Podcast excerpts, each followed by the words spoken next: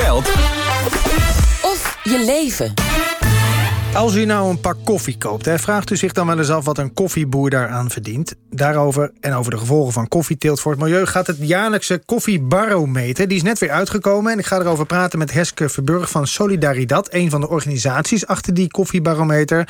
En met de man die de misstanden in de koffiesector zo erg vond dat hij het helemaal anders wilde gaan doen en zijn koffie, eigen koffiemerk heeft opgericht. Guido van Staveren van Dijk, oprichter van Moji Koffie, zeg ik Moji? Heel, heel keurig. Van harte welkom allebei. Uh, fijn dat jullie er zijn. Heske Verburg, voor de koffieliefhebber is het nogal deprimerend als je die koffiebarometer leest. Want je koffie gaat er niet uh, lekkerder van smaken, geloof ik, hè? Nee, dat is waar. Nou, uiteindelijk gaat het heel goed met de koffiedrinker, want we drinken steeds meer koffie. En als Nederlanders zijn we ook heel erg dol op koffie. We zijn een van de grootste koffiedrinkers ter wereld. Maar Alleen de Finnen en de Noren laten we voor ons. Maar inderdaad, we zien dat uh, de koffieboer... en dat zijn allemaal kleine boeren, 12,6 uh, miljoen wereldwijd... die deze koffie voor ons produceren... Uh, dat daar het niet zo goed mee gaat. Dus die hebben nogal grote uitdagingen. Vooral op het gebied inderdaad van het leefbaar inkomen. Ja. Dus je ziet dat alleen in Brazilië koffieboeren een leefbaar inkomen verdienen. En in alle andere koffieproducerende landen uh, ja, zijn die koffieboeren uh, onder het leefbaar inkomen. Wat, wat is een leefbaar inkomen? Een leefbaar inkomen is eigenlijk een inkomen waarbij je je vaste lasten kunt voldoen. Dus je, je kunt je kinderen te eten geven, je kunt je kinderen naar school gaan, je kunt je housing betalen. Uh, okay. Maar niet bijvoorbeeld investeren in nou, meer klimaatbestendige koffie. En alleen in Brazilië hebben ze dat voor elkaar en de rest van de wereld niet. Dan snap ik de zin in die koffiebarometer. Het idee van een duurzame koffiesector is een illusie. Ja, op dit moment is die koffiesector dus inderdaad absoluut niet duurzaam.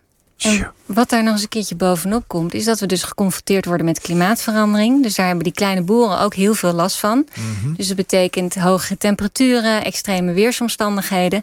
Waardoor ook nog eens een keertje de kwaliteit van hun koffiebonen, maar ook de hoeveelheid bonen die ze produceren, heel erg onder druk staat. Dus we zien ook dat er in 2050 eigenlijk maar de helft van de landbouwgrond die momenteel gebruikt wordt voor koffie, nog ja. maar geschikt is voor de koffieteelt. Dus dat uh, is nogal een uitdaging. Dus het betekent dat we echt moeten investeren in de koffiesector. Wie is de schuldig in dit verhaal? De koffiedrinker of de koffie, grote koffiefabrieken, zal ik maar zeggen? Ja, ik zou zeggen de grote koffiefabrieken. En ik vind het eigenlijk okay. wel grappig om de parallel te trekken met de discussie die we net hadden. Want we zien inderdaad hele grote multinationals, zoals bijvoorbeeld een Nestlé, ja. die inderdaad best heel veel winst maken. Dus daar, met die grote koffiebedrijven gaat het hartstikke goed. Alleen is het niet zo dat ze investeren in de keten en dus inderdaad een eerlijke prijs betalen voor de koffie, zodat ook de koffieboer een, uh, een goede boterham kan verdienen.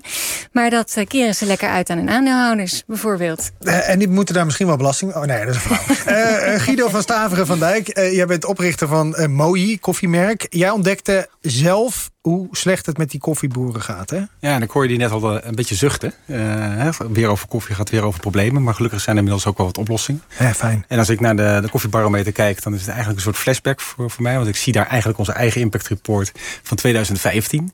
Waar we precies diezelfde dingen constateren. En het is eigenlijk alleen maar erger geworden. Maar wat heeft u met eigen ogen gezien? Nou, je ziet uh, dat uh, zeg maar oorspronkelijk zo'n beetje de helft van de waarde in de koffieketen achterbleef in die koffielanden. En alle koffie komt uit een soort koffiebelt. Dus een beetje rondom de evenaar. Ja. En inderdaad, wat er is gezegd, negen van de tien landen zijn afhankelijk van ontwikkelingshulp. Dus al die landen brengen die koffie uh, naar ons. En oorspronkelijk bleef een beetje de helft van de waarde achter. Toen wij startten nog maar 15 procent. Inmiddels is dat 10 procent. Maar jij bent daar geweest, hè? Ik ben er zeker geweest. Wat was, wat was het moment dat je dacht... Ik, kom, ik, ga zelf, ik moet zelf iets ondernemen. Nou, dat was toen nog niet. We zijn eigenlijk drie stapsraket. Eén is dit, hè, dat het gaat over die waardeverdeling... en dat we eigenlijk ontwikkelingshulp zijn gaan inzetten... als een soort subsidie voor ja. bedrijven die weigeren... die waarde een beetje eerlijk te delen. Mm. Maar als ondernemer vond ik het veel uh, pijnlijker om te zien... dat ook alle toegevoegde waarde is weggezogen. Alle uh, waardetoevoegende activiteiten vinden hier plaats. Branden, verpakken, marketing. Nog maar 2% En meestal is, nou, dat hebben we net ook gehoord... als je iets doet hier ja. uh, en waarde toevoegt... is een bron van winst. En met ja. winst kan je belasting betalen, kan je een land ontwikkelen. Dat zijn die landen dus volledig kwijtgeraakt. Dat is het tweede uh, wat ik zag. En de derde wat ik zag is dat die certificering... want toen wij startten uh, was het een beetje... de doelstelling 2025 is alle koffie gecertificeerd. Mm -hmm. nou, als je dan echt follow the money doet... dan betekent dat helemaal niks. En toen werd ik letterlijk wakker. Het gaat niet over eerlijke handel met de boer. Het gaat over een fair chain, een eerlijke keten. Ja. 100% transparant kijken waar die freaking centen blijven. En dat gewoon gelijkwaardig verdelen. Maar eigenlijk, eh, ik hoor je zeggen... we moeten die koffieboeren veel meer voor die bonen zelf betalen. Ja, nou, dat de toegevoegde waarde zit hier. Dat is een onderdeel. Um, uh, gaat eigenlijk over drie dingen. Eén is economische ontwikkeling. Dus daar investeren in fabrieken, in de grote nieuwe uh, industrieën. Die moeten daar plaatsvinden. Want de agri-sector moet hervormd worden. En wat het daarmee eens is. Het aantal smallholder boeren, 12,5 miljoen wereldwijd... dat moeten er eigenlijk naar de helft. Nou, op het moment dat we dat gaan doen en er is geen werk daar... komen ze of in een rubberen boot hierheen... of er ontstaan allerlei ergere mm Dus mhm. investeren in economische activiteit. Stap 2 is, hoe kan het toch zo zijn dat een leefbaar inkomen...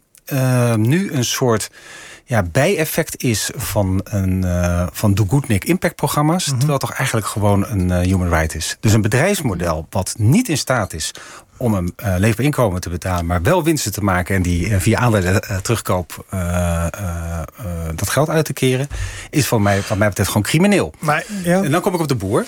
En dat is natuurlijk een heel complex mm verhaal. En prijs is daar één onderdeel van. Maar ik denk dat Heske bij me eens is. Het, zijn, het is een veel holistischer uh, element. Het gaat niet alleen over prijs.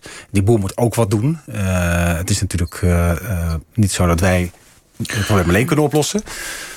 Maar als je wil weten wat er allemaal moet gebeuren... dan zijn we denk ik nog wel tien minuten bezig. Nee, oké. Maar het, ik hoor, ik hoor Heske ook zeggen... het gaat om die producent, die koffieproducent betaalt eigenlijk... die is eigenlijk debet aan dit van. Want daarom, ik vroeg het bewust, wie is schuldig hier aan? De nou, koffiedrinker of de koffieproducent? Als, als, jij de, als jij als enige marktkraam uh, op, de, op de Albert Kuip staat... met uh, zwarte sokken... en ik heb zwarte sokken nodig, ik kom bij jou... en jij hebt uh, duizend geheime adresjes... waar je zwarte sokken ja. kan kopen. Ja. Wat denk je dat je mij in rekening gaat brengen?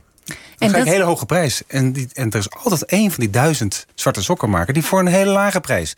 En dat is zeg maar waar de marktwerking, waar ik voor ben. Ik ben voor kapitalisme, ik ben voor demand and supply. Maar het werkt niet als er maar vijf grote partijen zijn... ten opzichte van 12 miljoen boeren. Dat is een volledige asymmetrie die niet werkt. Ga ik even naar een van die grote partijen. JDA Peach. Hebben we, we Douwe echt best deel van uitmaken. Hebben wij uitgenodigd om vandaag mee te praten. Willen ze niet, maar ze schrijven ons... komt die dat ze groot belang hechten aan een duurzame koffieketen... als een van de grootste koffie- en thee bedrijven ter wereld nemen we onze verantwoordelijkheid... en dragen we bij aan een structurele systeemverbetering. We werken toe naar volledig verantwoord geteelde koffie en thee in 2025.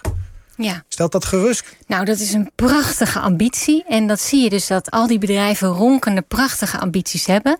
Maar als je dan kijkt wat er in de praktijk gebeurt, dan valt dat heel erg tegen. Dus je kunt wel een ambitie hebben, maar is dat meetbaar? En wat betekent dan verantwoorde teelt? En hoe ga je dat dan meten? En betekent dat dat je dan ook weet waar al je koffie vandaan komt? En betaal je dan inderdaad een eerlijke prijs hè, voor die koffieboer, zodat die inderdaad gewoon uh, ook kan investeren, bijvoorbeeld in zijn, uh, in zijn bedrijf? Dat soort dingen zie je dus echt missen bij al die koffiebedrijven. En wat kunnen die bedrijven vandaag gaan doen, na deze uitzending, als ze dit gehoord hebben, wat kunnen ze al nu gaan doen? Die bedrijven kunnen inderdaad meteen uh, hun uh, inkooppraktijken veranderen. Om te zorgen dat ze een hogere prijs voor uh, hun koffie betalen, dus een hogere prijs voor de koffieboer. Dat is een hele belangrijke eerste stap. Want daarmee zorg je inderdaad dat die koffieboer, huppakee, wel een leefbaar inkomen krijgt. Bovendien zorg je er ook voor dat die koffieboer kan investeren in meer klimaatslimme landbouw. Zodat hij zich ook beter kan wapenen tegen die klimaatverandering. En wij ook koffie kunnen blijven drinken in de toekomst. Maar niemand van die grote bedrijven zal tegen een goede prijs voor die koffieboer zijn. Dan snap ik het probleem gewoon niet. Nou, ik ook niet. Nou, inderdaad. dus het is heel makkelijk op te lossen. Ze moeten gewoon ja, maar ze doen het dus niet. Nee, maar ik denk dat zeg maar, uh, je ziet vaak natuurlijk een discussie over precompetitieve uh, elementen. Ik denk dat uh, er geen nou ja, misschien bij Douwe Egbert zitten wat rare vogels. Maar ik denk dat er geen CEO, CEO is van een groot bedrijf... die zegt, laat ons nou eens even lekker die armoede veroorzaken. Dus het is natuurlijk ook een systeem waar je op een gegeven moment onderuit kan. En daar komt wet en regelgeving bij kijken. Want er is denk ik een enorme behoefte. Ah, kom op, moeten we nou echt wet en regelgeving gaan organiseren... om een eerlijke prijs voor die boer te garanderen? Hans, Hans, weet je wat er gebeurd is afgelopen jaar? Is die koffieprijs omhoog gegaan. Terwijl eerst die koffiebedrijven zeiden van... ja, die koffieprijs die kan niet omhoog, lastig, lastig... gaat de consument niet betalen. Nou, opeens kon die koffieprijs wel omhoog. En was dat omdat ze dan eindelijk die productiekosten van die kleine boer hadden meegenomen? Nee, dat kwam omdat die koffiebedrijven zelf meer moesten betalen voor hun energiekosten. Omdat die koffiebedrijven zelf meer moesten betalen voor hun hogere uh, lonen. Hogere lonen. En toen was het opeens wel mogelijk om die kosten door te berekenen naar de consument. Maar die kosten die die kleine boer maakt, die willen ze niet doorberekenen aan de consument. Dus het is echt een keuze. En Moji maakt die keuze. Jij betaalt de boeren wel gewoon een goede prijs. Jij, hebt, jij hebt al die boeren in Brazilië in jouw stad. Nou, en het, en het, het start. Nou, Brazilië is een slecht voorbeeld. Want uh, dat is het enige land waar uh, eigenlijk niemand koffie meer moet kopen. Als Oh. je ziet, zeg maar, de ontbossingsvraagstuk is daar een beetje begonnen. In de Minas Gerais, dat was 20 jaar geleden, allemaal oerbos. Is allemaal gekapt voor grote Mm. uh, koffiefarms. die allemaal gecertificeerd zijn. En nu, nu ook nog eens buiten de ontbossingswetgeving Ja. vallen. Maar even terug, jij betaalt zo'n eerlijke prijs, die Ja, koffie. en het start, maar fair, fair, what the fuck is fair? Hè? Dus de, het idee wat uh, dat fair, ik kan er niks meer mee met dat, uh, met dat woord. Nou, als er een keurmerk op dat pak koffie zit misschien? Ja, maar het gaat Ook over niet. objectief meten uh, wat een leefbaar inkomen is. En dat is enorm contextgevoelig. Want jouw leefbaar inkomen is anders dan dat uh, van een boer in Ethiopië. Tuurlijk, Of, ja. Dus je moet onderzoek doen, een, een benchmark creëren en uitrekenen wat dat is. En dat heet een leefbaar inkomen referentieprijs. Dus een prijs bepalen die een referentie geeft aan een leefbaar inkomen in jouw keten... is wat mij betreft een basisregel voor ieder bedrijfsmodel. Precies. Mag wel koffie blijven drinken? komen- en, ja, we mogen zeker. Maar daar Jij komt die niet. regelgeving kijken. Dus eigenlijk moet je dus inderdaad bedrijven verplichten om dit soort due diligence, zoals dat heet, in hun keten te doen.